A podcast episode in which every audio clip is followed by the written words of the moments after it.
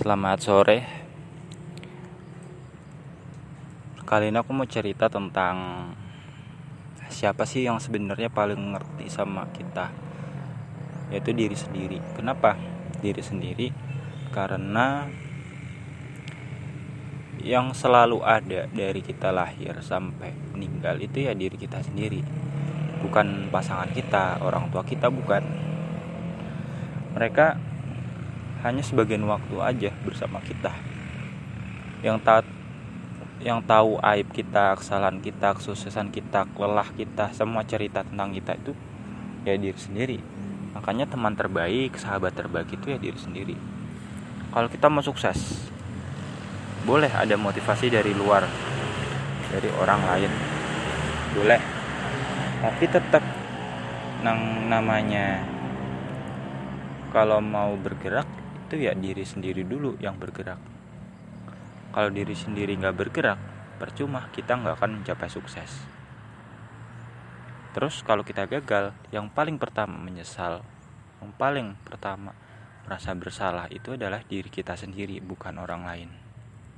Makanya kita nggak usah lah butuh validasi atau pengakuan orang lain pujian hinaan nggak nggak usah. Itu itu nggak penting dengerin aja kata hati kita maunya apa mau berkembang ke mana ke arah mana insya Allah setiap langkah yang kita lakukan itu pasti akan bermakna sih. Dan yang paling dekat sama diri kita itu Tuhan selain diri sendiri. Kenapa Tuhan? Karena dia yang menciptakan kita. Kalau nggak ada Tuhan kita nggak akan ada. Dia yang menjaga kita cuma kita nggak ngerasa aja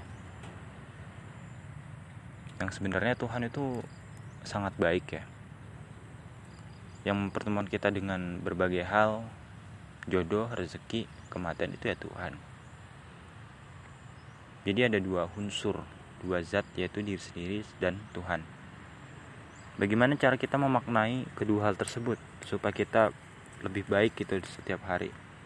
Caranya ya pertama kita harus kenal dulu sama diri sendiri kenalan nggak cuma nama tapi tanya kita sukanya apa sih di dunia ini?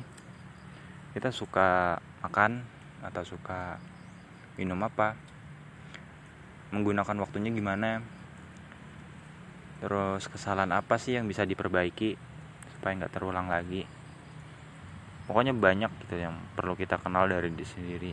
Sampai akhirnya kita tahu oh ini yang harus aku lakukan ke depannya. Oh ini yang harus aku hindari ke depannya. Jangan sampai hal ini terulang terulang lagi dan lagi. Yang kedua soal Tuhan. Tuhan itu udah ajarin kita gimana cara dekat dengan dia yaitu dengan ibadah sholat baca Quran. Cara nggak langsung kita lagi berbicara sama Tuhan. Contoh kalau kita lagi sholat itu kan bacaan-bacaan Tuhan terus kita doa kita doa kepada Tuhan. Kita baca Quran ayat sucinya dari Tuhan. Bahkan alam semesta ini Tuhan itu selalu ada.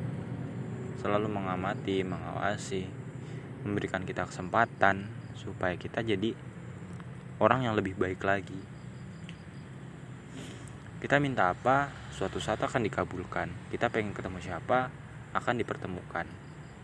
Sesuatu yang di luar kendali kita udah Tuhan yang atur. Sekalipun menurut kita lebih baik belum tentu menurut Tuhan. Yang kadang kala kita baru sadar oh ternyata bener ya lebih baik rencana Tuhan dibanding rencana kita.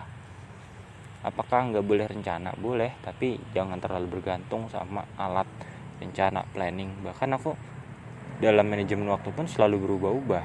Kesalahanku adalah aku terlalu bergantung pada tools alat atau perlengkapan yang sebenarnya tuh cuma membantu kita.